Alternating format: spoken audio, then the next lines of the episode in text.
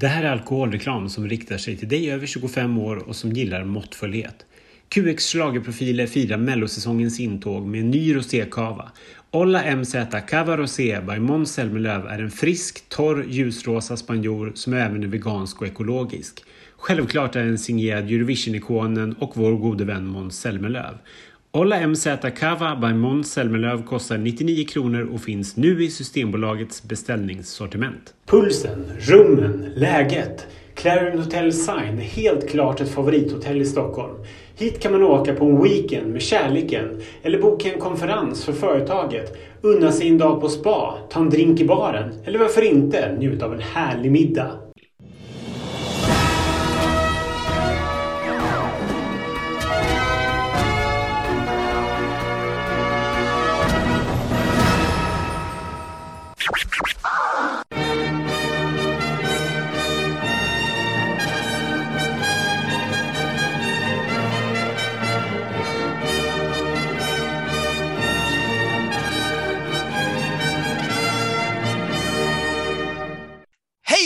Och välkomna till den fjärde delen i QX Schlagerprofilernas inför Eurovision 2022 poddar. Och idag ska vi faktiskt äntligen få höra Sverige, för nu är vi ju i andra delen av den andra semifinalen. Och det här är de sista låtarna som ska kvala för att ta sig in till finalen. Vi är som vanligt jag som heter Ken och min kollega som som vanligt heter Ronny. Ja, Hur är det med dig? Hur är läget med dig då? Nej men det är, det är bra. Vi börjar ju närma oss slutet och nu är det ju snart dags för Eurovision. Det känns som man bara pratar och pratar och pratar om de här låtarna men man får aldrig liksom veta hur det går. Eh, och det, ska, det ser jag fram emot otroligt mycket. Liksom. Eh, men eh, ja, det, men det är bra. Det var, det var ju, det beror på när man, när man lyssnar på den här podden, men det var ju gaygala igår, så att, eh, låter jag lite sliten på rösten så förstår ni varför vi var tvungna att vara lite gaygala så att vår förra gäst, Tony Sekelius, kunde bli vald till Årets Homo. Väldigt passande tills vi släpper den, eh, den podden nu i dagarna när vi spelar in den här. Eh, jag vill också bara säga Ronny, att jag kan också gratulera dig till att nu har vi spelat in lika många poddar som vi gjorde förra året eftersom vi aldrig hann spela in den sista podden om finalen. Så vi är ju i alla fall i kapp oss själva. Så har vi tur så blir det en femte podd också innan Eurovision blir av. Det märker vi. I alla fall, vi ska ju inte prata om det här själva. Eh, nog för att våra tidigare gäster då har varit drömgäster, det har de ju varit alla tre. Men eh, de tre har kanske toppat vår lista först i år och det kan vi kanske inte säga om dagens gäst. Han är nämligen förmodligen den som toppat vår lista ända sedan vi började med de här införprogrammen. Och snart kommer han att komma med en hel bok där han tycker till om Eurovision, så ingen kunde väl vara bättre. Eh, en presentation är väl egentligen överflödig, men om man plockar bort för ovanlighetens skull allting som man har gjort för Melodifestivalen och allting som man just nu gör för American Song Contest och bara fokusera på Eurovision som vi ska prata om här, då har han alltså kommenterat sändningen tre gånger i SVT. Han har varit programledare för Inför Eurovision Song Contest på SVT. Han har varit Sveriges Head of Delegation i Eurovision 13 gånger om jag räknat rätt. Han har varit självklar showproducent för Eurovision i Sverige 2013 och 2016, men även för programmen 17, 18 och 19 och samt då inte att förglömma själv tävlat i Eurovision 1992. Eh, och dessutom så är han utan någon som helst tvekan den som lät åtminstone mig mest om Eurovision och som är alltid, alltid måste diskutera precis allting med varje år. Välkommen äntligen till vår podd, Christer Björkman. Herregud, tack för presentationen. Den är lika lång som programmet. Glömde jag någonting som du har gjort med Eurovision? Jag, Nej, jag, tror, jag tror inte det. Det var bra. Kul. Alltså, äntligen få vara med och tycka. Det är bara det. Vi har ju liksom tänkt vara med det varje år, men du har ju alltid varit inblandad, eh, såklart, eh, på något ja. sätt. Och då är det kanske inte så lätt och det kanske inte är så uppskattat i alla fall om man tycker till. Nej, är ju, alltså, folk har ju en förmåga att höra sånt här, hur, vilket språk de än har i grunden, så lyckas de ändå alltid hitta de här eh, där man tycker någonting och så får man äta upp det. Så att nej, det har varit, jag har varit försiktig med det genom åren. Men nu, nu känner jag att eh, jag i alla fall eh, har rätt att, att eh, tycka. Det är bara det. Det är härligt. Men har du, har du mycket vänner kvar liksom in, inom de olika delegationerna? Är det någon du hörs liksom kontinuerligt med som är nära vän? Ja, det skulle jag väl säga att jag har. Jag har eh, framförallt om jag har jobbat med i samband med att jag har producerat deras Eurovision så Carla från Portugal har jag eh, tät kontakt med. Eh, Tali från Israel har jag tät kontakt med. Mm, Mellobekant. Ja, och sen eh, Felix från Island har jag, har jag också mycket kontakt med. Eh, hade mycket kontakt med eh, ja, e-, Evi från Cypern, förlåt, eh, också såklart, och Paul och Stephanie från Australien. Nej, det är många, det är många. Mm. Det finns ju så mycket man vill prata om när det gäller Eurovision och, och dig. Liksom. Om vi börjar så här, har du något favoritår totalt? Vad är ditt liksom, favoritår i Eurovision? Ah, herregud. Ja, det ska väl, måste väl nästan vara 1977. eh, så långt tillbaka får jag gå när det var ett sånt där år som jag egentligen tyckte om precis allting. Mm. Eh, och det hör ju inte till vanligheterna att det är så. Men sen tyckte jag också, måste jag säga, att förra året älskade jag för, för framförallt, alltså inte för helheten, men för att det fanns en topp 10 som var så makalöst bra och till och med faktiskt bättre än oss. Jag, jag, jag tror faktiskt inte jag riktigt har varit med om det. Mm. Eh, när, när, man såg för första gången helheten och kände att, för jag trodde faktiskt när vi åkte att vi var skitbra förra året. Mm. Eh, och det tycker jag fortfarande att vi var. Eh, så resultatet egentligen är bara ett, en effekt av att det andra var också väldigt, väldigt bra. Eh, och att vara så bra som vi var förra året och ändå inte lyckas vara topp 10, det är ett jädra gott betyg till tävlingen. Mm. Och det gör mig glad. Hur märkligt det än låter, så ja, ni fattar vad jag menar. Det, man har ju två sidor av sig själv. Man har ju den där Heja Sverige, men man har också den här Heja Eurovision. Mm. och, och för mig är det oerhört viktigt också att se att det går bra för tävlingen. Och det gör det, tycker jag, när det faktiskt är så att, en, att vi, vi som normalt är vana vid att vara topp 10, eh, när vi inte lyckas med det och det beror på att det faktiskt är låtar som är lika bra eller bättre, då, då är det bra för tävlingen, tycker jag. Mm. Du har ju varit med om väldigt mycket positiva saker i Eurovision, eh, bland annat två fantastiska vinster och varit med liksom och producerat Eurovision i Sverige och så. Men eh, vad har varit det jobbigaste Eurovision-ögonblicket sen, sen du började åka professionellt? Ja, eh, förlåt Anna, nu kommer den här igen. Eh, älskar ju Anna eh, Bergendahl. Men, men det måste ju vara Oslo såklart 2010 när vi mm. inte eh, tog oss till final. Eh, det, var, det, var, eh, det var fruktansvärt jobbigt. Men samtidigt så är det ju allt, allting händer ju av en mening och vad som hände efter Oslo var ju att vi fick ett mandat från både tittarna och inte minst media att faktiskt göra någonting åt de här gamla eh, värdelösa regelverken som vi hade, där, där vi satt i händerna på musikförlagen som valde ut, gjorde grovgallringen eh, och sen hade vi en jury som bestämde allt, i stort sett allting. Vi hade lyckats få in fyra jokrar som vi kunde styra över, men i, i stort sett var det ju så att, att vi var i händerna på andra människor och inte kunde bestämma över vår egen tävling. Och när jag säger vår så menar jag ju SVT då.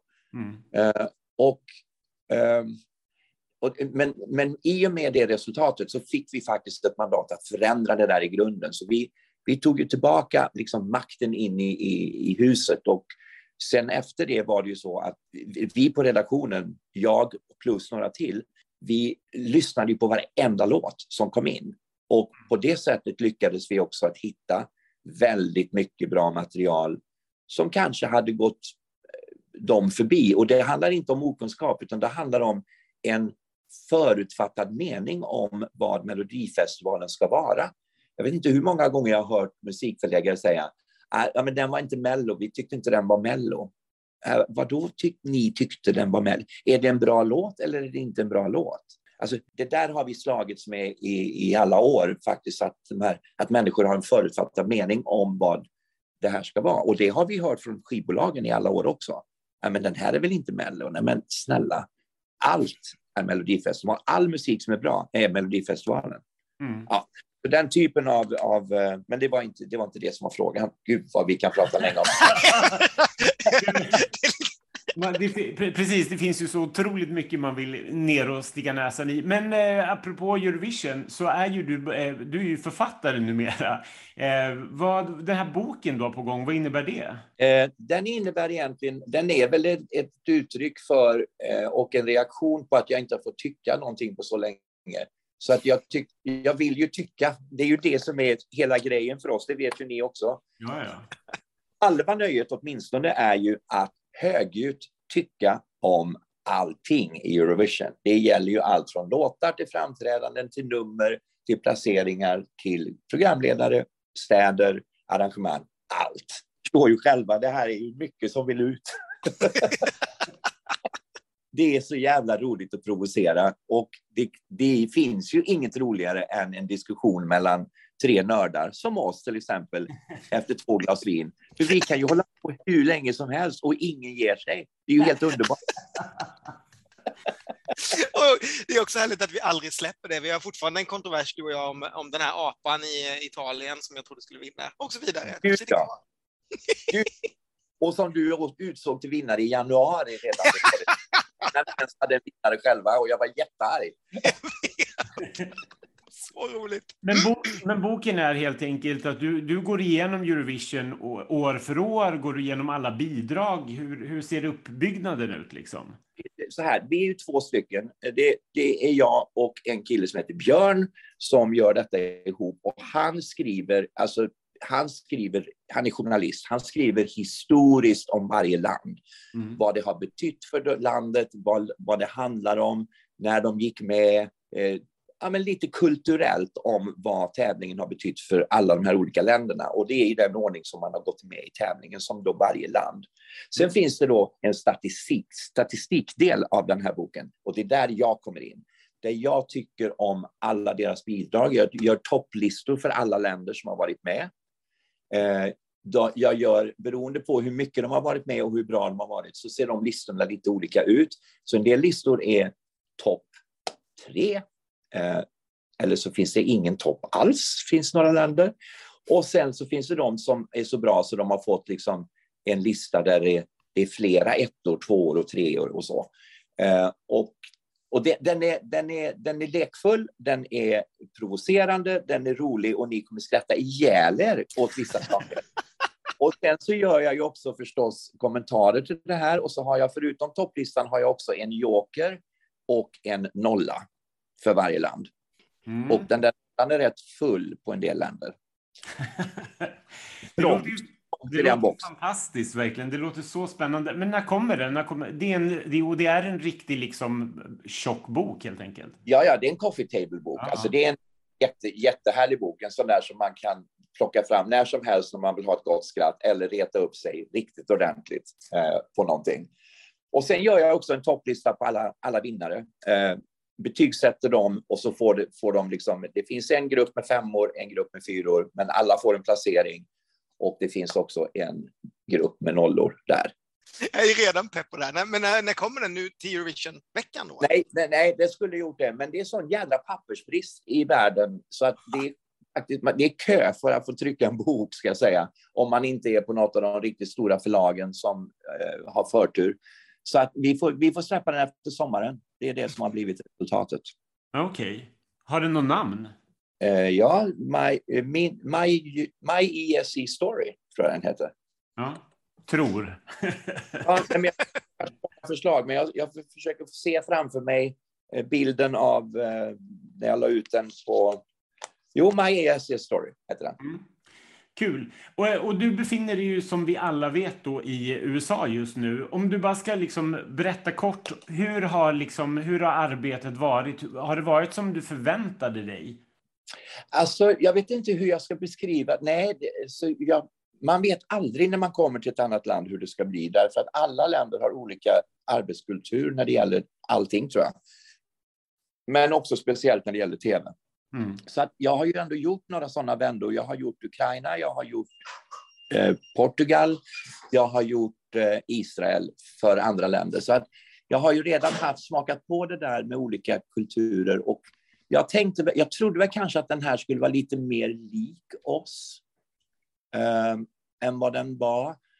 Eh, de har, de har alla länder man kommer till som ska göra något som har med Eurovision att göra, har en sak gemensamt och det är att de alla går in i det här med eh, en lite blåögd syn att ja men herregud, vi kan ju göra tv, det har vi gjort förut. Mm.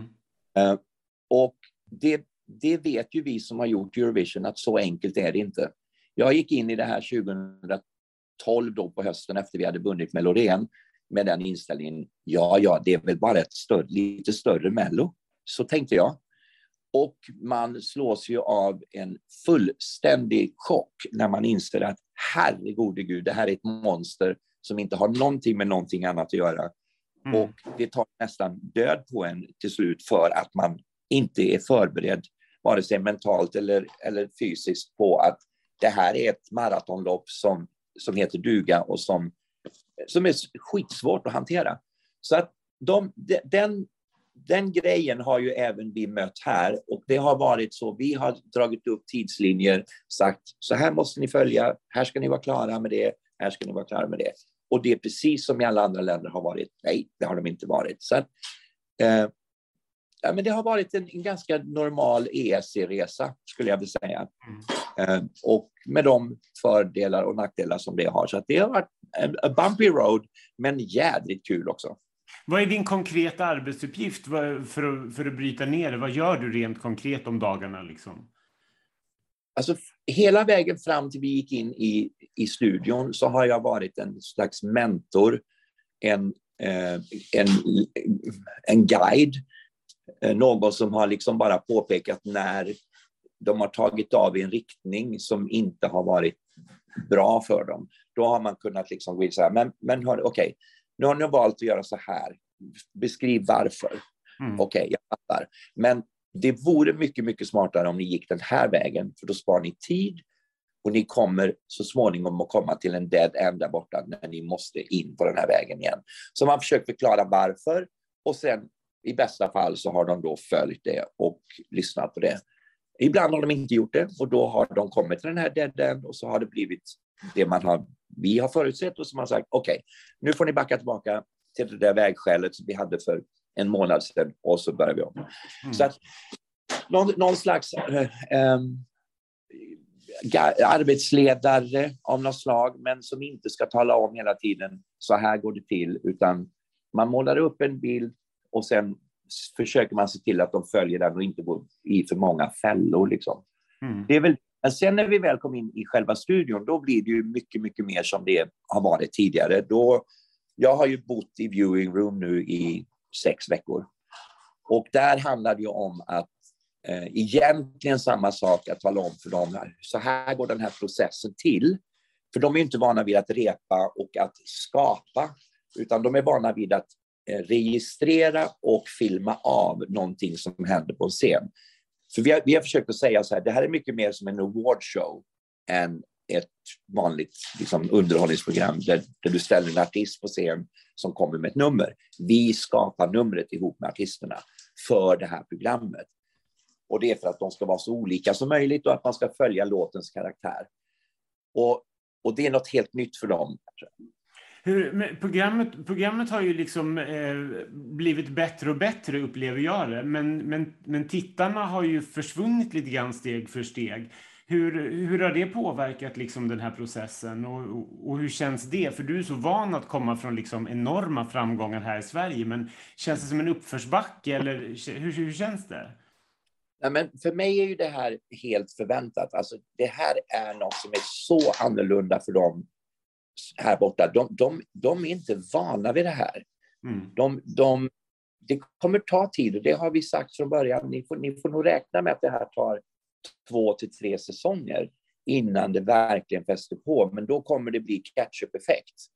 Eh, så det här handlar om att ha tålamod och, mm. och, och se det som en långsiktig investering. Det är ju en sak att säga det. Eh, och det är en annan sak att de sen ska klara det. Eh, så det vet vi ju ingenting om. Men vi, det, det berör ju inte själva tävlingen. Alltså, det, det, som är mindre, det här är mer Anders Lennoffs del. Alltså han mm. är ju på innehållssidan. Han jobbar ju mer med formatet i de beståndsdelarna. Och det kan man ju också se att där, där gör de ju justeringar hela tiden. Eh, så, så vi är rätt befriade från den delen, vi som gör numren, alltså håller på med musiken. Um, men, men oro, jag vet, jag vet inte, eh, alltså det är ju som det är. Eh, för, mig, för mig ser det här ut precis som förväntat. Eh, vi, vi flyttade fyra veckor, vi hamnade mot Idol. De valde att byta dag för att lägga sig mot oss. Så att, ja, alltså. Det är lite som om, det är lite som om TV4 skulle kliva in och lägga ett nytt format mot Mello. Det är mm. klart att det men har, har amerikanerna tålamod, tror du, att, att hålla ut ett par säsonger? Eh, det är det vi inte vet. Nej. Jag har ingen aning. Eh, jag skulle, jag skulle ju tycka att det vore rätt... Jag vet inte, vad jag ska använda för ord, men eh, om man gör en så här stor investering så skulle det vara märkligt ändå, tycker jag, att inte ge det en säsong till när man vet att de förutsättningarna har varit från början. Mm. Um, men, men som sagt, det kan man inte svara på. Herregud, folk ska ju försvara sina jobb. Ja, precis. Nej, men nu får det nog kanske vara nog. Inte för att jag vill bryta av den här intressanta diskussionen och lyssna på Irland, men det är faktiskt det vi måste göra. Vi måste bege oss till Irland för att lyssna på eh, deras bidrag. Är ni med på det? Ja. Jajamän. Gött! Eh, I Rotterdam så gick Leslie Roy vilse i ett alldeles för komplicerat nummer och hon hamnade sist i sin semifinal. Eh, Irland har faktiskt nu bara varit i final två gånger på tio år när man skickar 23-åriga Brooke.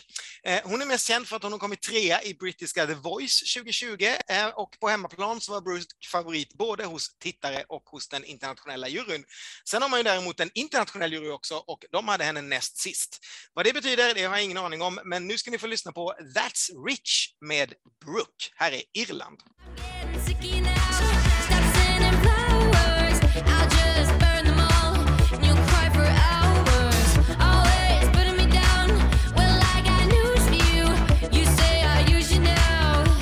Stupid, that's rich.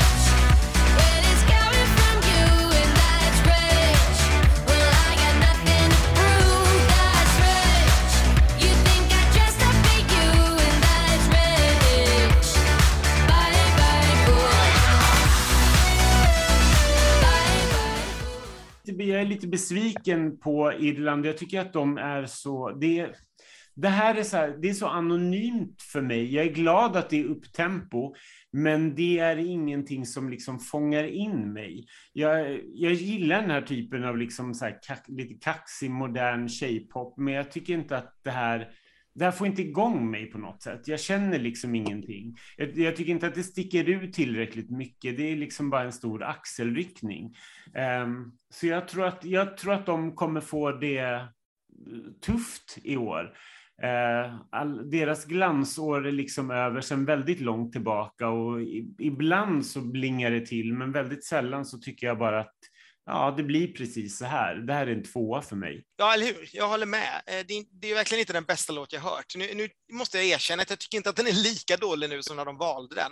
Och det kanske är för att det är så mycket annat liksom midtempo och balladande här, så att jag jag väljer väl inte bort henne direkt när den dyker upp. Men vi behöver ju verkligen inte vara rädda för att de ska ta sin åttonde seger och liksom köra om och vidare. De ska nog vara lyckliga om de ens lyckas ta sig till final, tycker jag. Eh, och dessutom om man tittar på de här förpartierna som har varit så har hon ju varit ska vi kvicka, låt, låt oss säga ganska ojämn live om man säger så. Nu är det väl inte de perfekta ljuden och grejerna där, men hon har faktiskt inte alls varit speciellt bra.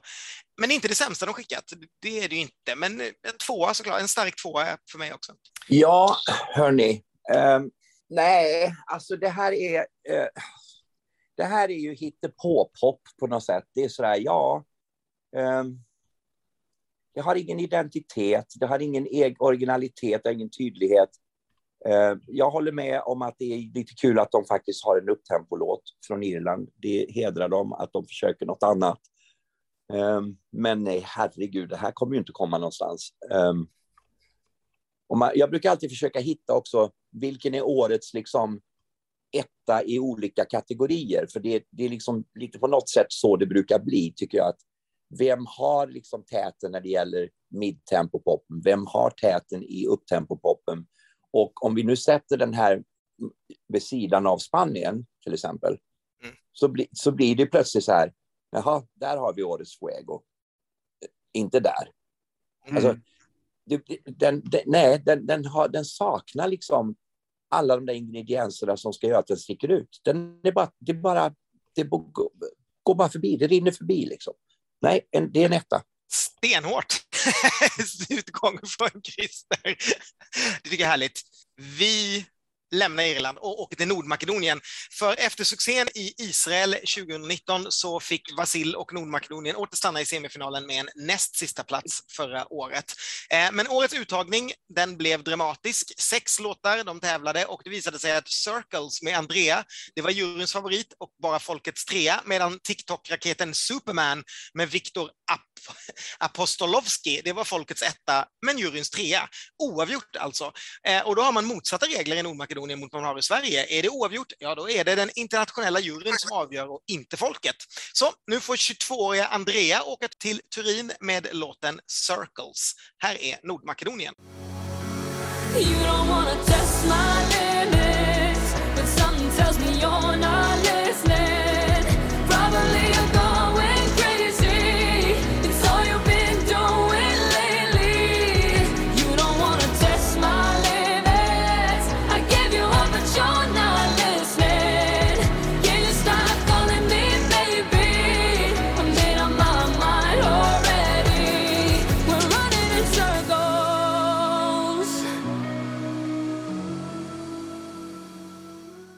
en liten bekännelse här och det är att jag lyckas fortfarande efter att ha hört de här låtarna om och om igen nu i typ tre månader inte skilja på Nordmakedonien och Montenegros bidrag när jag bara ser namnen på dem.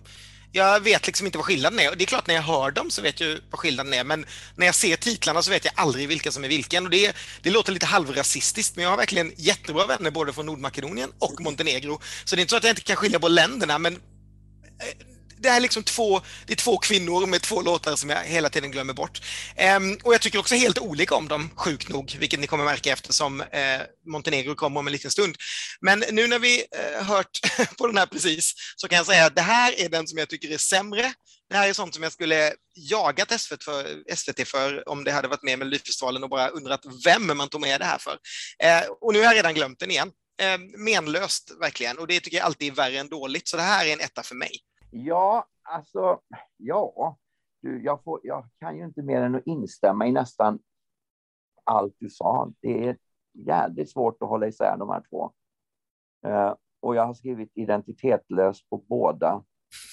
Uh, och nu får jag nästan, får jag nästan, jag, jag valde ju att sätta en stenhård etta på Irland där bara för att ni hade tvåa båda två, men jag inser ju det nu att det blir ju krångligt om jag ska ha samma på de här. Det går ju inte, så jag får, jag får nog ändra mig. Jag får nog jag får nog inse att jag måste gå på er linje med en tvåa på Irland, för att den här är ju sämre. um, så att, ja, så jag, jag backar på den. Jag, jag, går in i ledet med pojkarna, sätter en tvåa på Irland, etta på den här. Jag är ledsen. Eh, jag, jag håller med om exakt allting. Alltså det här är, men det, och sånt här dyker upp i Eurovision varje år. Det är liksom en solokvinna som sjunger en helt meningslös låt som, har, eh, som är ett ord som är helt så här circles, universe eller någonting. Alltså det, är liksom, det kan vara vad som helst. Det är, liksom, det är ingenting man kommer komma ihåg.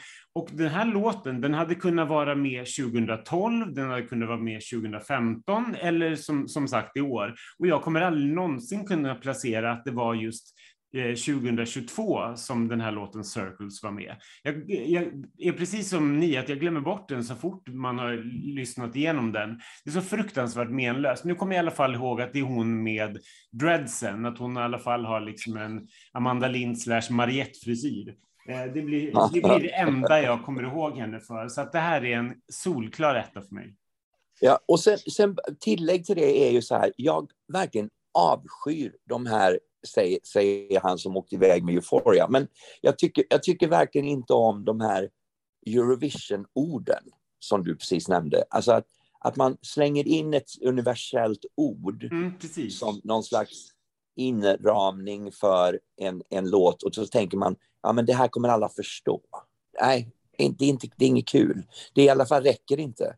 Det, det, måste vara en bra låt också. Det räcker inte bara att ha ett ord som folk förstår. Och sen är det så orimligt också att man har en uttagning. Alltså, om, om det sitter någon liksom jury någonstans på tv-bolag och väljer det här internt, för man har inte så mycket pengar och så har man någon artist som man ska skicka vidare och den personen vill göra det här, då kan man nästan förstå varför sånt här kommer iväg. Men om man gör en hel uttagning och låter låta tävla och har jury och allt möjligt och så är det det här som vinner. Men det kan ju också bero på att det, det där har jag varit med om själv, att suttit i jurys där det är så där, ja, vad är det minst ointressanta de har?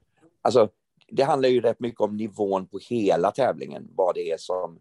Och det, det märker ju vi också när, när vi har ett år när vi inte har de här, den här riktigt, riktiga topplåten, utan allt är väldigt solitt och bra, då blir det ju ett väldigt uh, scary resultat, för att då, då är inte liksom jury och folket, de är inte överens för det första, och jurygrupperna, länderna själva inte överens heller då vet man att oh, det här är något år när vi har lite problem. Det här kommer inte bli en supertopplacering. När de är väldigt, väldigt överens, det är då, liksom, som, då har vi en bra grej på gång. Liksom. Så att det kan ju vara så också att de inte är tillräckligt bra överlag, deras mm. låtar. Intressant. Men eh, vi lämnar snabbt Nordmakedonien och hoppar till ett av våra grannland faktiskt, ett av de länderna vi sidas tillsammans med och eh, alltid hoppas på lite poäng ifrån, nämligen Estland. Ehm, förra året så fick UQ stanna i semifinalen på en neslig trettonde plats så i år, då går man ut hårdare och skickar killen som 2020 blev vald till Estlands sexigaste man.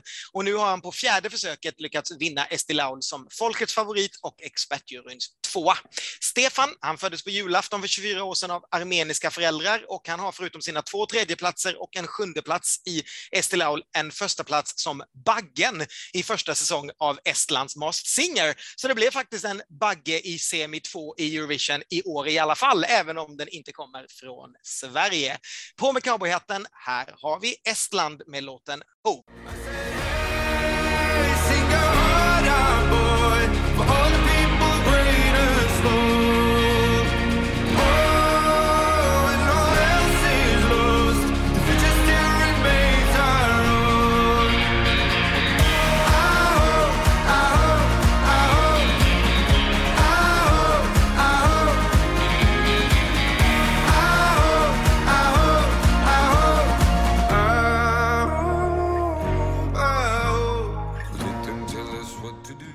Eh, alltså jag tycker ju, jag, alltså det här är ju nästan lite en sån här, eh, vad heter det, guilty pleasure för mig. Jag tycker att den här är jättebra. eh, den, jag tycker att den här är väldigt tydlig. Jag tycker att den har sin helt egna identitet. Den sticker ut, den är annorlunda. Ja, jag tycker den här är toppen. Eh, jag, jag, kan inte riktigt förklara varför. Eh, mer än att den bara är sig själv. Mm. Den, den, är på något sätt... Eh, sen får jag lite panik, på det händer något där i slutet har jag för mig. Eh, att det är något cowboydrama där som utspelar sig. Det, det är jag väldigt tveksam till. Men, Duellen. ja, precis. Men, men jag gillar honom, jag gillar låten, jag gillar karaktären. Jag får lite sån här samma, eh, även om de inte alls på något sätt har med varandra att göra, så får jag ändå lite sån där eh, vibb av Common Linnets som jag kände när jag hörde den. Alltså det var så här, det här, det här är annorlunda, det här är något annat. Ah, jag behöver inte hålla på längre. Jag ger den en fyra. Ja, men jag, gillar, jag gillar den också. Jag tycker att det här är en bra låt. Det här är en av dem som jag sorterar in i, eh, i favorithögen för mig i år i alla fall. Jag blir glad varje gång jag hör den. Jag stör mig bara på det här som du var inne på, liksom att man, när man har en sån här country-doftande låt så tycker jag att det är så otroligt förutsägbart att paketera den på det här sättet, att det liksom är så övertydligt med cowboyhattar och liksom eh, de här ökenlandskapen och flygande gamar och dueller. Liksom. Det enda man saknar är de här blåsande höbollarna som studsar runt på scen. Liksom. Men vem vet, vi kanske får se Britta Bergström och D. Norberg i, i, på plats. I, eh, som höbalar. Som höbalar. Konstigare saker har, har hänt. Eh, Enda grejen är bara att jag är liksom inte så här, jag, jag tänkte från början att men här kan nog vinna, eller den här har nog en bra vinstchans. Men där är jag inte alls längre och jag vet inte varför. Jag har svårt att sätta fingret på vad det är. Skulle den här kunna utmana och skrälla? Det kanske är en sån här som vi blir överraskade över när vi ser den på repen. Att han levererar den så otroligt bra och han har ju så här härlig karisma liksom. Eh, så det kanske funkar, men det är liksom en stabil topp 10-placering mer än en vinnarkandidat känner jag. Eh, jag ger den i alla fall en fyra. Är, jag måste säga att det är otroligt jobbigt att komma sist i, det här, i den här trojkan när man ska prata om en låt. För vi tre, om, om Ronny och jag har varit synkade i de tidigare poddarna så märker man ju liksom hur vi tre har växt ihop under de här åren. När jag pratar. Om man tittar på vad jag har liksom skrivit upp här så är det så här, ja, det är höbalar och pistoldelar på scen som jag inte gillar utan att det är lite onödigt, men det här är ändå en av mina topp 15 i år, bla bla bla, jag gillar honom, det är precis samma saker. Um, men eh, det är ändå lite så här annorlunda för mig, för att efter slager gospel så tror jag att countryslager, eller om vi nu använder slager som någonting som för någonting som är med här och tävlar, så är det väl det jag är mest trött på liksom, i nationella uttagningar. Det verkar alltid finnas gospel och country, och inte minst i American Song Contest om vi säger så. Eh, men med det sagt så gillar jag ju det här. Ja, det, det, det, är inte liksom full-blown Avicii-delen på country, men det är ju inte heller liksom Dolly Parton, utan det, det är något så här, ändå liksom känns fräscht på något sätt. Men eh, som sagt, eh, jag har inte mer att tillägga än vad ni säger. Jag tror absolut att den är Eh, den är ju definitivt i final och den eh, kan nog absolut hamna topp 10 också, just för att den är egen och för att han är snygg och sjunger bra och så vidare. Så det är ju självklart en fyra för mig också. Inte något snack om saken.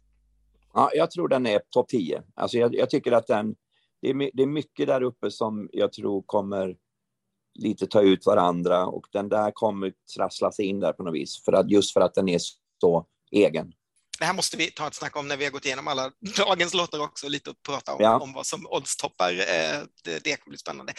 Um, det var Stland. Då ska vi vidare till Rumänien. Eh, Roxen hade ju lite svårt att hålla styr på tonerna och fick vackert stanna hemma från finalen efter en tolfte plats i semin i fjol. I år så vanns den rumänska uttagningen av Andrei Ionut Ursu, eller kort och gott Urs som han kallar sig, fast det stavas med W av någon anledning. Eh, han var juryns stora favorit och eftersom de hade folkets etta bara som sexa så vann han ganska stort. Eh, Urs då, han är en tidigare dansare som bodde i London men flyttade tillbaka hem till Rumänien för att starta sin solokarriär där som sångare och debuterade 2020. Det är ju nästan mindre än 24 månader sedan, men han har ändå lyckats släppa 13 singlar.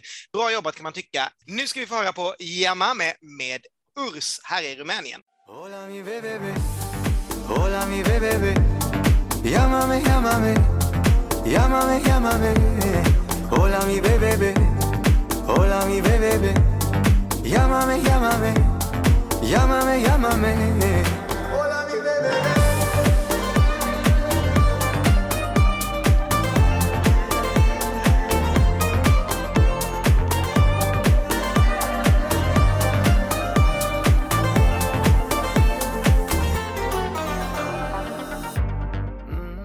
Det här tycker jag är lite så jobbigt, för det här har jag börjat tycka är ganska bra. Eller ganska bra, men jag tycker att den är helt okej. Okay. När jag hör låten så tycker jag att men den, här, den här är ganska skön. Eh, men sen när man ser det här live-framträdandet, då, då, känns det som att då tar jag tillbaka allting och skäms jättemycket. För det här är ju liksom, så här, det ser ut som en homosexuell man som, tycker, som älskar verkligen att stå på scen.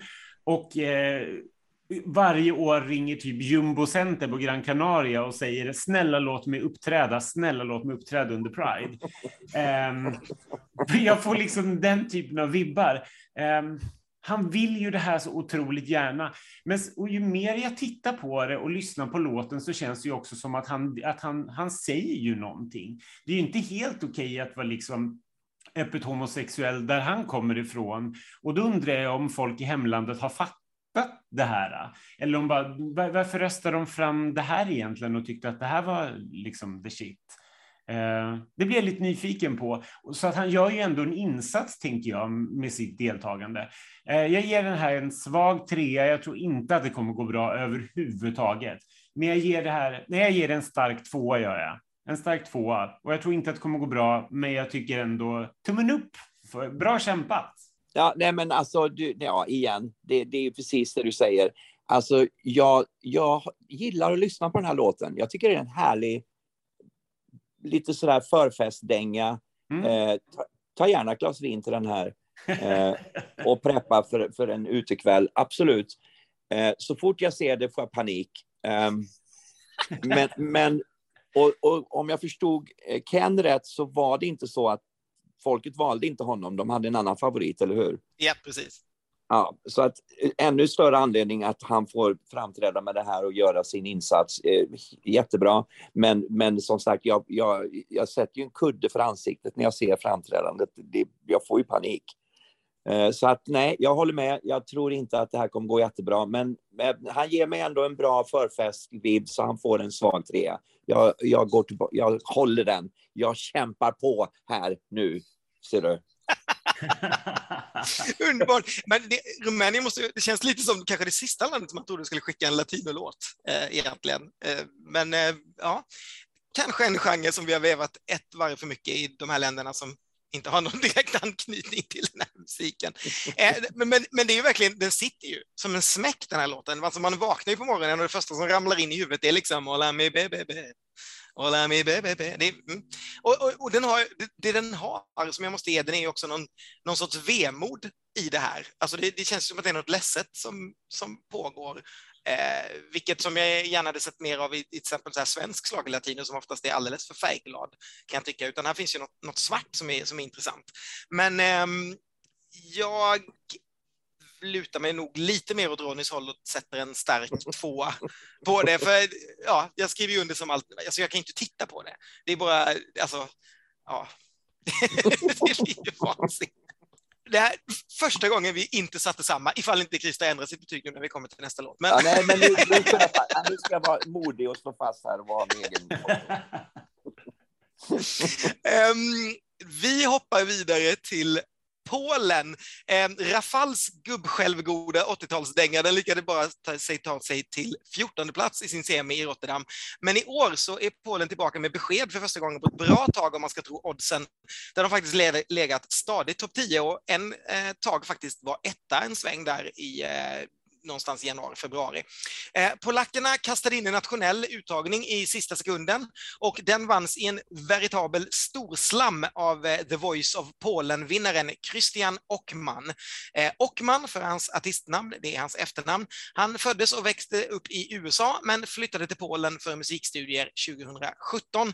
Där eh, en kul detalj är att han coachades till vinsten då i The Voice of Michael Spack alltså Polens senaste supersuccé i Eurovision från 2016 som såg ut som Kapten Krok och fick en himla massa eh, röster från folket.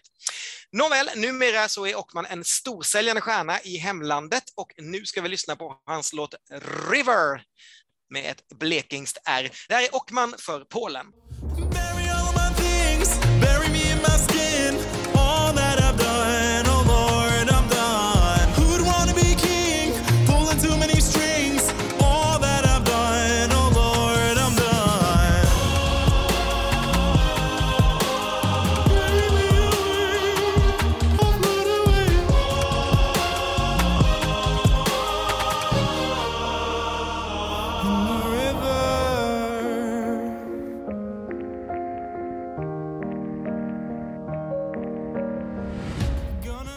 Jag är ju inte superförtjust i det här, men jag fattar ju att, jag fattar ju att det funkar.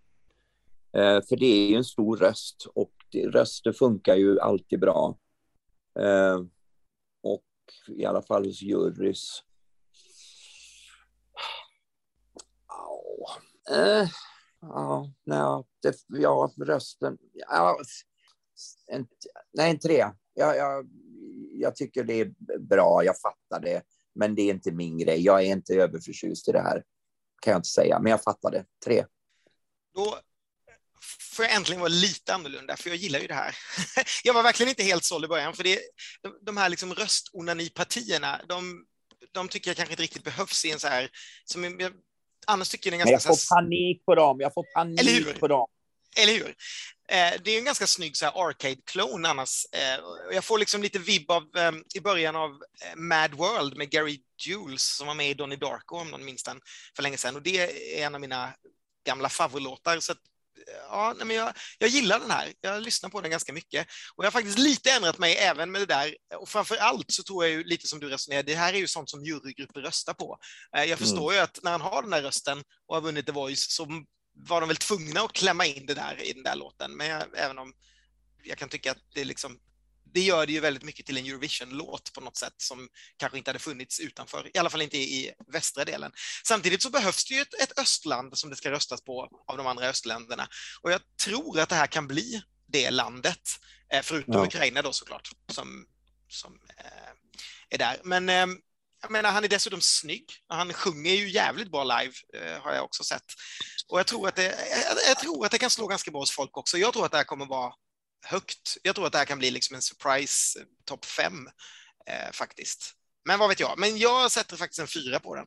Ja, och det, antar, så här är det ju också. Det, det brukar alltid vara så att när det är något som jag verkligen ryggar mot som är bra, då är det för att det är ett hot. det, det, det brukar alltid vara så. Eh, så att om, om jag tycker riktigt sådär instinktivt illa om något som är bra, då beror det på att det, det kommer konkurrera med oss själva och det, det är så det är bara. Eh, jag, jag, vet inte, jag är nog lite mer åt Christer-hållet tror jag. Att, att jag liksom, jag hör ju att det är bra. Eh, och jag, hör, jag, hör, jag är med på allting du säger Ken, men det, för mig kny, så knyter det inte riktigt an. Den når liksom inte ända fram på något sätt, hur mycket jag än lyssnar på den. Eh, så, så inser jag att det stora plusset för mig med den här låten är att han är otroligt snygg, tycker jag. Men bortsett från det så, det, jag kommer liksom inte, ändå, det är som att man pratar med en människa som man aldrig kommer liksom in på skinnet på något sätt. ja, exakt. Och jag, så det är nog där jag landar. Så att jag, jag köper det här att, att jurygruppen nog kan svälja det med hull och hår. Um, och det kommer säkert bli en, en bra placering, det tror jag absolut. Det här är nog ytterligare liksom en av de här som jag ser i topp 10. Uh, så jag, men jag ger en, en, en, en trea med ett stort plus efteråt. Mm. Mm. Ni ska se efter att liksom först Holland som inte fick åka till. Och sen Italien som vi förmodligen inte kan åka till heller för att det inte finns några pressackar, så vinner Polen och så kan vi åka dit nästa år till ett härligt homofobiskt land och äta någon sorts fett kött och bli rädda för att bli nedslagna på någon gata i Krakow. Ja. Det skulle inte förvåna mig ett dugg. Ja, ja. Um, Okej, okay, jag gillar i alla fall det jag lyssnar på den jättemycket. Men nu då så ska vi åka till det andra landet som jag pratade om innan, nämligen Montenegro. Eh, de tog en paus förra året och har fortfarande bara varit i final två gånger sedan debuten för 15 år sedan. Eh, I år så valde man internt 35-åriga Vldana Vladana, en av Makedoniens mest välkända personer. Vladana hon släppte en hel del singlar på 00-talet och försökte ta sig till Eurovision, men eh, sen på senare år så har hon mest arbetat som chefredaktör för det modemagasin som hon själv grundade 2015. Men nu, nu får hon äntligen tävla och då med en Eurovision-veteran till låtskrivare vid sin sida. Eh, Breed blir nämligen Darko Dimitrovs tolfte Eurovision-bidrag, eh, ett dussin som bland annat innehåller Tamaras juryfavorit Proud från 2019 och då förra årets serbiska Ken-favorit favorit Loco Loco. Eh, den här låten då, den heter Breed och den handlar faktiskt om Vledanas mamma som dog i covid. Och det är nog den första låt eh, hittills som så uppenbart eh, handlar om den här sjukdomen som vi har haft med oss i två år. Här är Breathe för Montenegro med Vledana.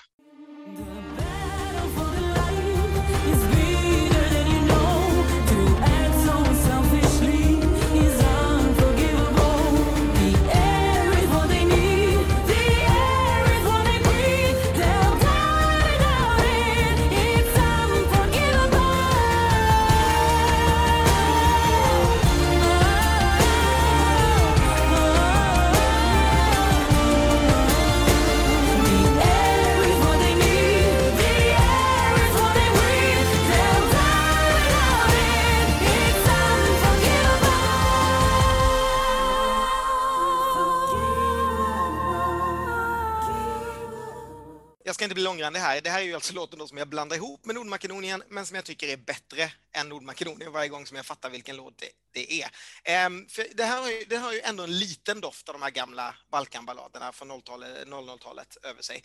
I sina bästa stunder, utan att för den saken liksom vara så bra eller upprepa det för mycket.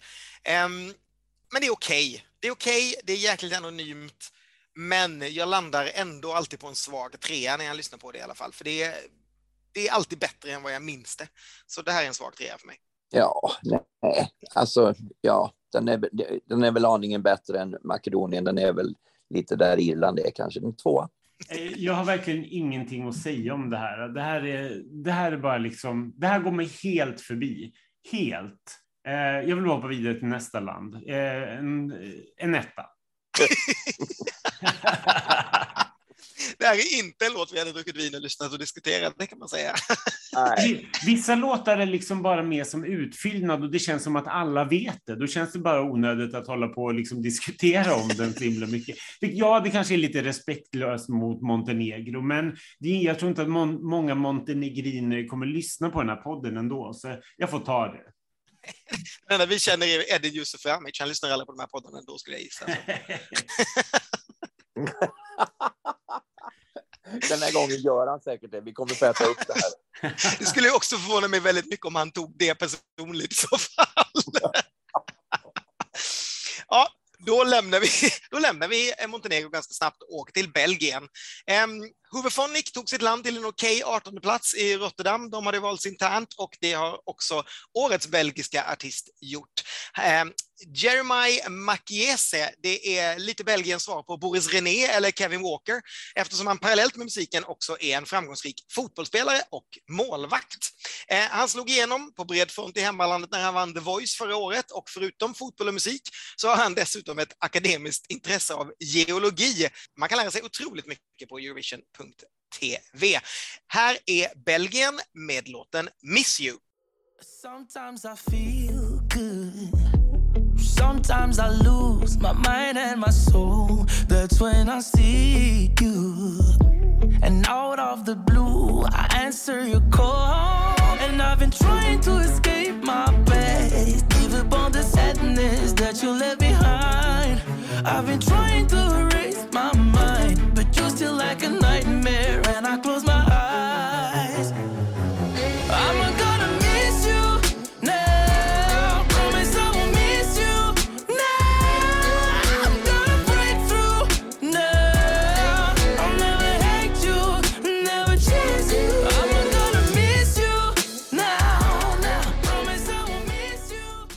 Uh, eh, ja, jag kan börja. Alltså, ja, det här är väl... Det, det har ju en egen identitet. Det är någon slags modern gospel, eh, vibb. Eh, försöker vara lite annorlunda. Ja, alltså... Tycker jag att det är jättebra? Nej, det tycker jag väl inte, men det sticker ut lite grann. Det har en egen identitet. Um, jag gillar det lite grann. Um, någonstans mellan en svag fyra, stark trea. Eh, jag tror att det kommer gå hyfsat. Ehm, mm, ja, alltså, nej, den får nog inte en fyra. Stark trea. Vad kul! För det, har känts som att en låt som bara jag gillat bland alla jag känner, eller gillar och gillar. Eh, det, jag är i alla fall inte någon som avskyr den. För jag, jag, håller med dig. Jag, jag förstår, man förstår absolut varför den är här. De vill göra Crimea River som möter en Bondlåt som möter lite nu. Jag kommer ihåg hur den låter. Är det, är det en av mina stora favoriter? Nej, det är det inte, men jag tycker inte alls att det är ett dåligt bidrag. Och som sagt, han är ju verkligen, han, han gör ju någonting eget i den här eh, ja. semin. Så ja. jag tror nog också att det kommer gå ganska bra för Belgien och landar också på en trea. Vad kul, för det här är årets i särklass sämsta låt. Jag avskyr den av hela mitt hjärta. Jag hatar det, jag får ångest när han, det här, no. Åh, vad, det är fruktansvärt verkligen. Det här är vidrig röstonani som jag bara spyr på. Det är så självgott och så duktigt. Kolla, jag kan sjunga och jamma loss lite grann. Nej, fy vad jag hatar det här. En stor fet nolla. Däremot så tror jag att det mycket, mycket möjligt kan bli en sån. Det, det är lite grann som Portugal förra året, eh, som jag också tyckte relativt illa om, men, men som jag ändå kanske tyckte var bra mycket bättre än det här. Eh, som, som är så här, liksom musikermusik, som kommer gå hyfsat. Liksom. Det kommer inte vara i toppen, men det kommer hamna någonstans där liksom i, eh, ja, jag vet inte var de hamnar, men runt 10 strecket kanske någonstans. Eh, men, men personligen, alltså, Ken, om du någonsin kommer spela det här när vi är tillsammans, då kommer jag lämna rummet fortare än avlöning. Nej, 000, hemskt.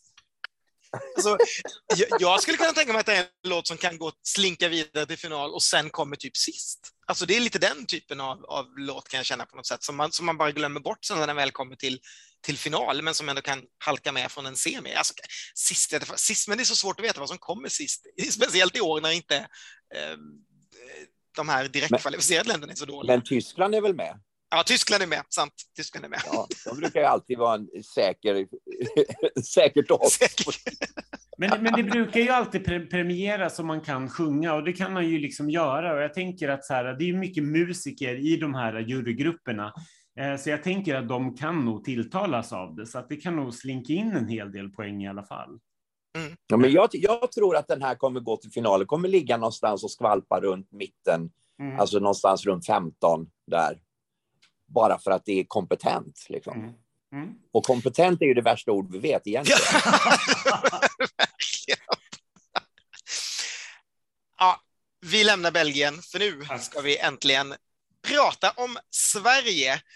Um, Tusse, han kom sjua förra året i semin och hamnade sen på en fjortonde plats i finalen. En placering som de flesta länder skulle gå över lik för att få. Men för Sverige så är det faktiskt vår sämsta finalplacering sedan 2013 och den sämsta placeringen finalist, finalist någonsin haft i en semifinal, eh, förutom Charlotte Perrelli, vilket är ju jättekonstigt. Eh. Men våra förhoppningar är ju kanske därför såklart ännu större på 30-åriga Cornelia Jacobs, speciellt som vi nu då legat stadigt som odds 3 sedan hon vann Melodifestivalen. Eh, låten är som bekant skriven av Cornelia Jacobsdotter, David Sandén och Isa Molin. Här är Hold Me Closer med Cornelia Jacobs för Sverige.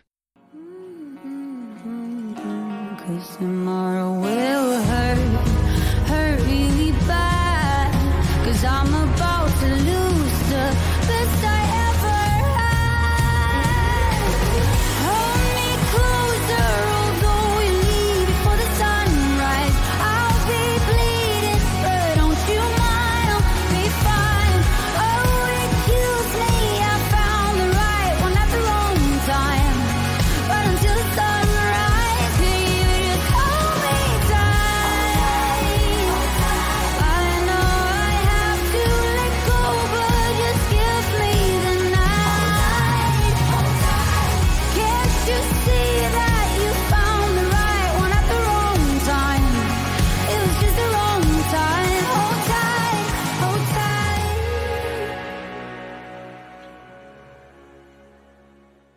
det här tycker jag är väldigt intressant eh, ur en, ur en personlig eh, synvinkel. Jag hörde den här låten eh, innan den tävlade och kände att så här, det här, den här har någonting eh, som jag gillade jättemycket. Det var inte en av de stora utropstecknen som jag tänkte så här, det här att, den, att, den, att jag såg den som en vinnarkandidat, men den låg kvar i bakhuvudet hela tiden och jag kände att så här, fan, det där var en bra låt. Eh, och därför så hamnade den till slut på, eh, eller Cornelia på QX-omslaget inför alltihopa. Och sen tävlade hon som bekant vecka ett och under repetitionerna så började alla prata om henne. Och jag kände så här, ja ah, men fan det här kanske är liksom årets dotter. Eh, som, som man bara kände, den hade någonting och det här kan nog gå riktigt bra. Eh, så då kände jag att, ja men det här den här kommer nog ta sig vidare. Jag hade lite så här Loreen-grejer innan, att så här, men är det för mörkt eller för konstigt eller du vet, eller kommer folk gilla det? Just det som Christer nämnde för några låtar sedan, så här, är det tillräckligt mello? Som man, som man börjar tänka också på något konstigt sätt. Men det är klart att folk går igång på en bra låt. En bra låt är en bra låt och det är det här. Så jag blev så otroligt glad att den seglade vidare och sen höll, behöll sin liksom favoritstatus hela vägen. Och längs med turnén så började jag känna att så här, nej men det här är helt rätt, det här är det vi ska skicka. Tyckte jag att det var en jättebra låt? Nej, det, alltså, jag hör att det är en jättebra låt, jag förstod vad alla andra pratade om, men jag personligen gick inte igång på den så mycket förrän vi kom in i finalveckan. Då jag kände, då, det bara, det, det bara, den bara slog mig i magen och jag kände så här, hon sjunger ju om någonting som man verkligen tror på. Hon sjunger det som att hon verkligen tror på det också. Och jag tror hon förmedlar en känsla som jag tycker är så eh, man blir, bara, man blir bara tagen. Jag kan inte sluta titta under de här tre minuterna. Och jag tycker att det, det avskalade scennumret är jättesnyggt. Jag är så otroligt glad att vi skickar det här. Och det här är faktiskt en, nog den enda vinnarlåten, Selena Philipsson, som jag fortsatt lyssna på efter Melodifestivalvinsten. I vanliga fall är man så trött på låtarna, men den här växer för mig fortfarande. Och jag tycker den är så jävla bra. Jag tror det kommer gå jättebra. Jag tror kanske inte att vi vinner, men jag tror fan att vi skulle kunna ta det efterlängtade silvret. Nu lät det som jag höll på att börja gråta, vilket jag inte gjorde, så jag bara pratar för jag har så mycket att säga. Så jag hade ingen luft kvar. Men eh, för mig är det här en solklar femma. Jag älskar den. Jag är så otroligt stolt att vara svensk i år. Heja Cornelia! Men då fortsätter jag så sparar vi Christer till sist. För alla ni som lyssnar på den här podden har säkert hört mig och Ronny rabbla om Cornelia så himla mycket tidigare under Mello. Eh, så jag kan väl bara addera till Ronny då att jag kommer aldrig komma över att jag inte satte pengar på den här. Alltså dels när du pratade om den innan, dels när du tog med henne på omslaget, för jag brukar liksom tänka att när du har hört saker och du ändå plockar med dem där så kan man åtminstone slänga in lite pengar när det är höga odds. Men även när jag såg den och när vi satt på repen så slängde jag inte in några pengar. Jag vet inte vad det är för fel på mig. Jag vann inte en krona på Cornelia och jag älskade den från första gången jag hörde den på uppspelningen och såg henne på scen. Eh, så att, ja, jag är bara dum i huvudet. Ehm, jag tycker också det är så galet roligt med Isa Molin som tar över liksom stafettpinnen från Bobby, även om det känns så orättvist att man hela tiden ska nämna Bobby när man pratar om Isa. Men det vore så härligt liksom på något sätt om kan de inte göra någonting ihop och så där? Det, det vore nice. Nåväl, det är en femma för mig också. Nu är jag jättenyfiken på vad Christer tycker. Ja, bara kommentera på det du sa där om, om Bobby och Isa, far och dotter, två generationer, Ljunggren, eh, Molin. Det är ju fantastiskt eh, att, att det där kan gå i arv på något vis genetiskt. Eh, ja, imponerande. Grattis till dem. eh, nej, men herregud. Det, alltså, hon, hon låg där eh, i första veckan. Eh, man fick direkt, alltså det är så underbart att få vara tittare igen eh, och att få det bara så här utan att ha lyssnat innan, utan att ha hört någonting, bara så här. Ja men titta där, vilken liten pärla det var där. Wow! Och det där kommer gå bra. Eh, och sen så väntar man in då vecka för vecka och sen väntar man ju givetvis till slutet där. Vem är 28 vad är det vi, vad är det vi väntar på? Och så säger jag, jaha, ja, okej. Okay. Eh, ja, nej, men det, alltså, det var ju aldrig något som kom nära eh, på riktigt. Det var, ju, det var ju Cornelia hela vägen. Uttrycket, kopplingen, låt och röst, eh, känslan som du var inne på Ronny, det, det bär ju allt i alla avseenden bär ju det här hela vägen på något sätt. Det är så bra, det är så begåvat, det är så känslosamt. Det är en glasklar femma. Kommer det vinna? Nej, det kommer det väl inte göra på grund av en massa olika faktorer, eh, varav Ukraina är en. Men det finns också en väldigt, väldigt, väldigt värdig eh, konkurrent i Italien. Vi får inte glömma det. Eh, det är, herregud vad den är bra. Så att det, jag tycker det finns två glasklara vinnare i årets startfält och det är Sverige och Italien vad det gäller allting. Eh, sen har vi som sagt Ukraina, men det, det, är, en, det är ett annat konto. Kul! Full pott och bara en låt kvar. Och vi river av den så fortsätter vi prata lite sen hur vi eh, tror att det går.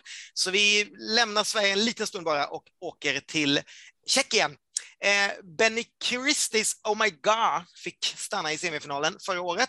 I år så var tjeckerna faktiskt först med att hålla sin uttagning, så redan den 16 december så samlade de en jury med mängder av artister från förra året. Viktor Krone var där, Tix var där, Go A var där, John Steers var där, Daddy var där, ja, de var där allihopa, till och med de irländska trökvinnarna från 1994 var där.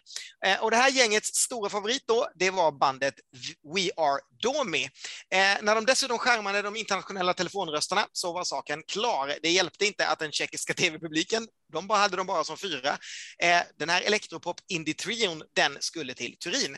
Eh, en kul sak med bandet är väl att sångerskan, hon är från Tjeckien, men de två grabbarna, de är från Norge. Och det här gör detta till det tredje bidraget i årets Eurovision, där det kommer vara övervägande norska deltagare på scen, för förutom Norges eh, vargar, som vi åtminstone tror är norska, så är ju Grekland också eh, helt norskt. Så här har ni Lights Off med We Are Domi från Tjeckien. Where are you now when I miss you? You're sailing around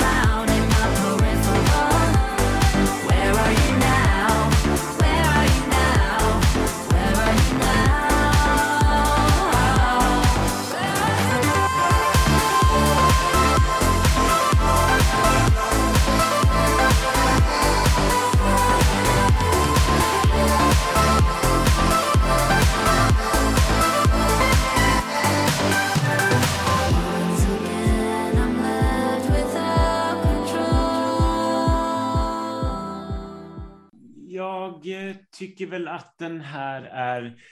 Det här är liksom en så här, ja, men det är, ganska, det är en helt okej låt. Jag... Eh, jag ska inte spoila för mycket, för det är svårt att prata om den här, men det, varje gång jag lyssnar den så tänker jag bara på dig Ken, för jag vet att du tycker om den. det, är liksom, det är det enda, och så bara, ja, det, det, är, en, det är en typisk Ken-gillar-låt. Som jag tycker så här, ah, det är väl helt okej, men det är ju liksom ingen, det kommer ju inte, det är ingen vinnarkandidat, den kan absolut segla vidare, kanske till, eh, till finalen om, om hon sjunger bra, om det är ett snyggt nummer. Men, men det är liksom, den, den bara finns där för mig. Den, den ger mig liksom ingenting. Den, det är en helt okej låt. Eh, jag, ger den en, jag ger den en svag trea. Jag tror inte att det här är någonting som man kommer komma ihåg speciellt mycket efter de, den här veckan i Turin. Men jag, jag vet liksom inte vad mer jag ska säga. Den, det, är inte, det är inte min musik, men det är klart att det är en, en kompetent låt. Och där kom det ordet igen, kompetent. Och det är inte lika, det är inte lika hemskt som när vi pratade om kompetent i förra fallet, men ja, jag sätter ändå en, en svag trea på det. Nej, det är bara en låt. Nej, men det är jättebra. Tack för att du tog över den. Att jag, kände, jag känner så här, jag vet fan inte vad jag ska säga om den här. Det är så här, ja, det, är väl, det rullar väl på, det är väl trevligt kanske, men kommer jag komma ihåg det efter Turin? Nej, verkligen inte. Det här kommer inte ligga på någon spellista. Det är ingenting jag kommer att vurma för vare sig det går bra eller dåligt. Jag kommer bli möjligtvis för, väldigt förvånad om det skulle gå jättebra. Men kanske också, nej jag skulle inte reagera om den gick jättedåligt för jag skulle inte komma ihåg det. Så att, nej, det är väl bra. Det är väl bra att Ken får avsluta med den här eftersom du gillar den här. Eh, nej, jag, jag, jag, nej, det, jag kan väl, nej, den får en tvåa. Nej, det, nej, jag gillar inte. Ja, men bra. Nu är det lite spoilat där, då, för jag tycker att det är riktigt bra. Eh, men, men det är mycket, alltså det är elektroniskt, det är poppigt, det är liksom precis min typ av låt, lite så här clean bandit. Eh, som jag ju lyssnar på väldigt mycket privat.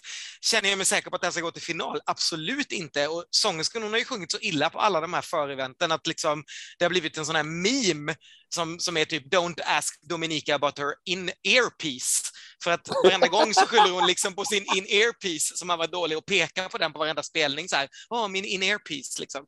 För att hon lyckas liksom aldrig träffa en enda ton. Så att, eh, ja. Men alltså på Spotify och i mina öron om jag liksom är ute och morgonpromenerar och grejer, då lyssnar jag på det här.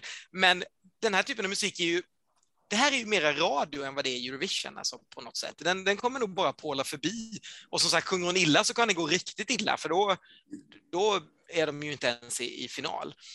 Um, men, men som låt, absolut min låt. Och då sätter jag betyg på det och så får den en fyra av mig. Vilket gör att det här är den enda låten då vi satte tre olika betyg på. Ja, men det var väl bra. Det var väl bra att vi tyckte olika om någonting. Ja, det, var, det, det dröjde liksom nio låtar, men sen tyckte vi olika allihopa om en låt. Men eh, annars så kan jag sammanfatta då att vi tyckte absolut bäst om Estland och om Polen, men framför allt Sverige i den här halvan. Eh, så det var våra favoriter, även om jag tryckte upp Tjeckien till nio poäng eh, här på slutet också. Mm. Så att, Men det, men det känns faktiskt ändå logiskt. Det är de tre som är tydligast och bäst i, i den här halvan. Och Ja. det är också de tre som kommer, som kommer garanterat att vara vidare och som kommer göra lite väsen av sig i, i slut, i alla fall på övre halvan av eh, finalen, Mm. tycker jag. Alltså jag måste säga ändå, vi vet att vi har ältat det här tills korna går hem, men jag tycker nog inte att den här semin är så mycket starkare än den andra. Eh, för att jag håller med Christer, det är tre stycken och tittar man på förra podden då som vi gjorde med Tone och första delen så är det väl liksom ingenting där egentligen som man tror ska vara med och slåss i toppen. Eh, möjligtvis liksom att Serbien kan göra något avtryck med den här handtvätten, men, men annars så finns det väl liksom ingenting som man känner egentligen kommer slåss där, eller? Nej, jag vet inte. Eh, jag är så kluven. Det här är liksom inte... Det är inte mitt år, känns det som. Jag tycker inte att det är ett jättekul kul år. För mig är det så här, ah, ena veckan tycker jag att semi-1 är starkare, andra tycker jag att semi-2 är starkare. Det finns helt enkelt inte så mycket att plocka ut ändå. Det är mycket som är så här okej, okay, tycker jag. Men det är ingenting som jag vill fortsätta lyssna på. Och det är ingenting som jag tycker så här, är där och slåss om vinsten. Jag tycker sen när jag plockade ut elva låtar som jag har skrivit om i QX maj-nummer, då var det de elva liksom. Det var ingenting som jag kände att gud, det ska, jag saknar de här utanför. Det var de här elva jag hade någonting att säga någonting om liksom. Mm. Men de, men de elva, alltså nu vet jag inte exakt vilka de är, men jag har landat i ungefär samma sak. Jag mm. tycker att det är faktiskt en tia riktigt, riktigt bra låtar. Alltså, jag tycker topp, man får ihop, om jag ska välja tio låtar här som jag tycker är bra, mm. så får jag ihop en riktigt schysst topp tio lista faktiskt. Mm. Mm. Och det är inte varje år. Nej. Nej. det, det, det, är sant. Och framförallt på då... toppen tycker jag att det är rätt snyggt. Ja. Jag tycker också att det är lite konstigt, för det, när man har gått igenom de här fyra poddarna som vi har gjort, vi har inte pratat om finalen än, eh, så brukar man ju ändå ha tagit igenom de flesta låtar som är någonting att ha, men så är det ju verkligen inte i år. De har ju ryckt upp sig, de här Big Five-länderna eh, allihopa. Vi kan väl prata lite löst om det. Tror du att det är, förutom Italien, vad, vad tror du om liksom UK och Spanien som också är och slåss i toppen på odds-listan numera? Nej, men jag tycker att både, både jag, jag, gillar ju Spanien. Jag tycker den är härlig. Jag tycker det är liksom en, det är en fuego eh, och hon är härlig och hon är kompromisslös i sitt, i sitt agerande på scen. Jag tycker, jag tycker om henne. Mm. Eh, jag tycker även om eh, UK, eh, även om det är, är också lite där och tassar i, i Polenland på något vis. Det, det är väldigt, väldigt musikaliskt och snyggt och bra. Men den, den, jag gillar den också. Så att jag, nej, jag, tycker, jag tycker verkligen att de, de tre kommer ju... Italien och UK och Spanien kommer ju faktiskt vara uppe och konkurrera där i topp 10. Alla tre. Mm. Härligt. Ja, det är, det är verkligen det är riktigt bra faktiskt. Mm. Det är också kul att liksom se att, att alltså, Nederländerna är ju där också. Det, det är ju liksom en klick, alltså det, Italien, Nederländerna och Sverige det är ju, vi är ju, och Ukraina då också, som jag hävdar ju hade nog klarat sig ganska bra ändå, även utan kriget, även om de inte, kanske inte hade varit vinst, eh, haft vinstchans, skulle jag ju säga. Men, men det är ju liksom ett knippe länder som har vunnit senast som på något sätt har skärpt sig. Eller vi, vi ligger ju där varenda år på något sätt. Eller nej, det gör vi inte. Men vi ligger ju där i år, alltså de här länderna som har varit. Ja, men vi är väldigt, vi är väldigt ofta ändå topp 10, nästan alltid topp 10-kandidat. Och, ja, vi är, är ofta, och vi är ofta topp 5. Ja. Alltså med, med tyngdpunkt på 5, ofta 5. Eh, nej, men jag tycker att det, vi är ju några stycken som alltid är där. Italien är ju otroligt framgångsrika. Eh, Ukraina är det också och Ukraina som du säger, det, det, alltså de hade ju varit en trea, fyra, femma i vilket mm. fall. Mm. Eh, någonstans där. Och, och sen har vi då UK och de som nu har skärpt sig, då, de här Big Five-länderna som verkligen har steppat upp. Och några till. Så att, ja, men det, det, det finns ju en, en, en elitdivision här som, som levererar alltid. Liksom. Så det, det, ja, och så några, några uppstickare då som, som kommer. Och vilka de blir i år, det får vi ju se. Det är väldigt spännande. Det är väldigt roligt nu när vi liksom börjar närma oss, när, när vi kommer börja få se repetitionerna. Finns, finns det någonting som du känner, Christer, kan falla väldigt hårt när du väl börjar repa? Har du så bra koll på startfältet? Nej, men det är, det är ju snarare de här som ni har varit inne på, de som har då visat upp sig i olika sammanhang inför det här. Mm. Eh, de de är, ligger ju i farozonen. De här som vi har pratat om, eh, de här i, vi vet ju att de levererar. Vi vet att både, vi, vi har sett Spanien live, vi vet att det där funkar. Vi vet att UK sjunger bra, vi vet att Polen sjunger bra. Vi vet att Ukraina-bandet är ett band, de låter så där, inga konstigheter. Eh, Sverige likadant. Eh, det, Italien vet vi också. Så att det, nej, det, av de som vi tror ska vara topp 10 ungefär, de tror jag inte kommer underleverera på något sätt, utan de tror jag vi kan vara rätt säkra på att de kommer att vara där uppe. Faktiskt. Vad, tro, vad tror du om Norge? Skulle, skulle eh, de gula vargarna kunna göra en Keino? Eh, Det tror jag. Det tror Ja. jag absolut. Eh, De, de har vi inte pratat om. De, har vi, de var ju på någon annan halva. Så att, nej, de tycker jag är jättebra. Jag, jag, jag tycker verkligen att de har lyckats med någonting där de faktiskt inte bara blir en gimmick, utan det faktiskt är bra. Det är bra komponerat, bra sammansatt. Det är det känns annorlunda, det känns kul, det känns, och det känns inte spekulativt. Det känns faktiskt som att det här är, det här är, det, det är roligt på riktigt. Liksom. Jag tycker verkligen att det är bra gjort och jag tror det kommer gå skitbra för dem. Mm. Som ni hör så har alltså Christer fortfarande kvar bra kontakter med Norge.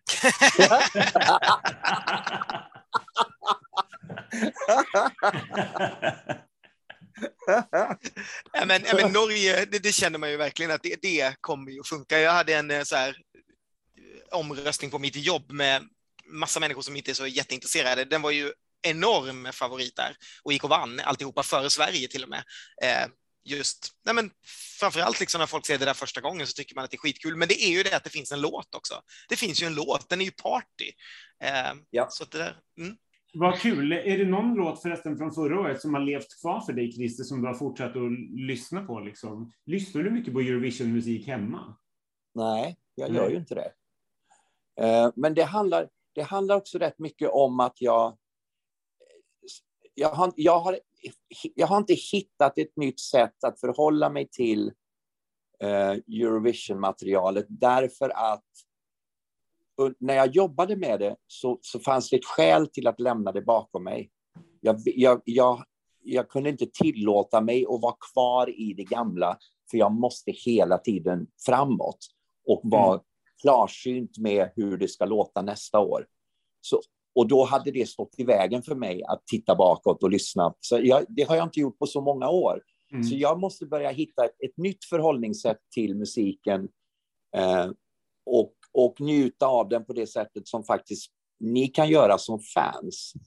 Eh, jag, jag ska ju dit igen. Jag, jag har bara inte hittat rätt väg till det än. Eller så, eller så kanske det är att jag fortfarande tycker att jag behöver... Jag vet inte. Ja, det, det, det är klurigt. Nej, jag lyssnar inte på Eurovision-musik alls faktiskt. Ehm, nu har, säger jag som har lyssnat och tittat igenom varenda program under jobbet med boken. Jag har sett varenda jävla sändning som finns, från start till mål. Och jag förutsatte mig att egentligen bara titta, titta på det snuttvis för att komma ihåg igen vad jag tyckte. Men det, det, så funkar inte vi. Utan har jag väl satt på ett program så tittar jag på det och sen kommer omröstningen och herregud, den här var ju spännande den här omröstningen. Den har jag glömt bort. Just det, nu ska jag titta på det. Ah, men du vet. Så jag har, jag har sett varenda ruta som finns sparad faktiskt under det senaste året. Så det, det var väl en sanning med modifikation att jag inte har lyssnat på ja. En sak som jag tänkte på när vi pratade om alla låtarna innan. Ha, tror du att det har någon betydelse att man har vunnit nyss? Alltså okej, samma att tävla på hemmaplan, den, den förstår man ju. Men om man säger då att, att liksom Sverige och Ukraina och Nederländerna och Italien ligger ju liksom topp 10 på, på oddset. Ehm, Mm. Är det lättare då för till exempel Polen, Spanien, Storbritannien? Finns det någonting där, eh, o, alltså outsagt, alltså inte, jag tror inte, liksom, inte, jag menar inget organiserat, utan en känsla bara att folk hellre liksom, ja, men då kör vi på Polen eller Spanien. Det, de är värda det liksom. Um, ja, ja, så här, jag tror att om vi tar om vi tar Sverige som exempel, om vi tar förra året som exempel, då tror jag så här att man kan se, när det fanns så mycket annat bra att välja på, Mm då tror jag att man kan ta chansen att undvika någon som det har gått väldigt bra för väldigt länge. Mm. Det tror jag. Eh, och det är inte organiserat, utan det är mer bara en sån här känsla att ja, de är skitbra, men, men det, är ju, det är ju de här också. Så att, Mm. Men jag tror inte när det är så många som det är nu. Alltså det är både Italien, det är både Holland, det är Sverige, det är Ukraina. Det är liksom, det är lite för mycket att ta hänsyn till. Jag tror inte att, då tror jag mer att det blir så här att du inte, du kan inte tänka så. Eller, eller den tanken, för vem är det du ska välja ut av dem att inte premiera? Så Mm. jag tror att det handlar mycket om omständigheterna runt omkring. Så jag tror inte det. Nej, jag tror inte det. Och jag tror också att den, om, om det är så att det har funnits någon, eller det vet vi att det har funnits en, en, en antisvensk våg, i alla fall bland fans och sånt. Eh, om, om den på något sätt skulle finnas i andra led än just bara fanledet, vilket jag egentligen har väldigt svårt för att tro, så tror jag att den är över nu, för nu är det inte vi som är i, i den där, det är faktiskt Italien som är Mm. den skinad, mest skinande stjärnan i den här tävlingen just nu. Så att vi, vi har liksom, vi har lite ändå falnat bort i skuggan av eh, både Italien och kanske lite just nu även Ukraina då som har en speciell situation. Det är lite skönt att inte vara mega. Det är alldeles utmärkt att ligga trea på oddset och sen komma tvåa. Det skulle jag vara överlycklig av. Det är klart jag vill vinna, men gud vad det där silvret svider fortfarande. Att vi inte fick, att vi inte fick till 2011. Det är fortfarande vårt ja, Ja, jävla... det är, Ja. ja. den, den, är, den är svår alltså. Den är svår att hantera. Den, ja, men verkligen. Alltså hur den där kom slinkande där på slutet, det var jobbigt. ja, det var fan i mig. Kom, kommer du komma till Turin? Ja, absolut. Eh, vi har vår final på måndagen. Tisdag morgon sitter jag på ett plan och landar på onsdag vid lunch och sen så är, sen är jag där. Så. Och vad, vad gör du då? Är det bara för att liksom, träffa gamla bekanta eller är det, är det rent jobb för USA? Eller hur? Eh, nej, men det blir ju en kombination av precis allting. Ja, vi kommer komma dit. Eh, vi kommer eh, absolut ha möten med EBU. Eh, vi kommer, jag kommer givetvis att eh, eh, i den mån det behövs och finns det ett behov så kommer jag heja och supporta Lotta och laget såklart. Eh, och sen så har jag ju mitt pris, Marcel Besançon Award, som ska delas ut Just. på lördagen. Så den, den själva omröstningen och det måste jag ju eh, se till att den händer. Så att nej, men det, det är ju det, det är blandat. Det är både, både lite eh, bara socialt och lite jobb och lite prisutdelning och lite, ja, lite allt möjligt. Och lite italienskt vin kan man tänka. Det, det kan man tänka. Det kan man tänka. Och lite god pasta. Ja, men vad, vad härligt. Men eh, ska vi börja avrunda, Ken? Ja, det kanske är lika bra, annars kommer vi sitta hela natten och prata. Och ni, och ni som lyssnar på den här podden kommer undra hur, hur lång en podd egentligen kan vara. Och jag kan tala om att den kan vara väldigt lång. Om man, hur länge kan man prata om Eurovision? Man kan prata väldigt länge. Man kan prata till det blir ljust igen, kan jag berätta om någon undrar. Det hade varit jätteroligt. Vi hade hunnit vara tillbaka på samma tid som vi ringde upp Christer i USA, fast den tiden, den svenska tiden. Precis. Nej, men då, då gör vi så. Då avslutar vi här och så tackar vi så fruktansvärt mycket att du ville med det. Så sjukt kul. Det här får bli en tradition att ha med dig i de här poddarna, tycker jag. Ja, nej, men det var fantastiskt kul att få vara med och bli tillfrågad. Och eh, som de säger här, thanks for having me. Det är så bra uttryck. Nej, det var så kul och jag hoppas verkligen att det blir fler tillfällen. Underbart! Tack alla ni som lyssnat och förhoppningsvis så kommer det en femte podd där vi går igenom finalbidragen. Men vem vet med oss? Men just för nu så säger vi hej då! Hej då! Hej då!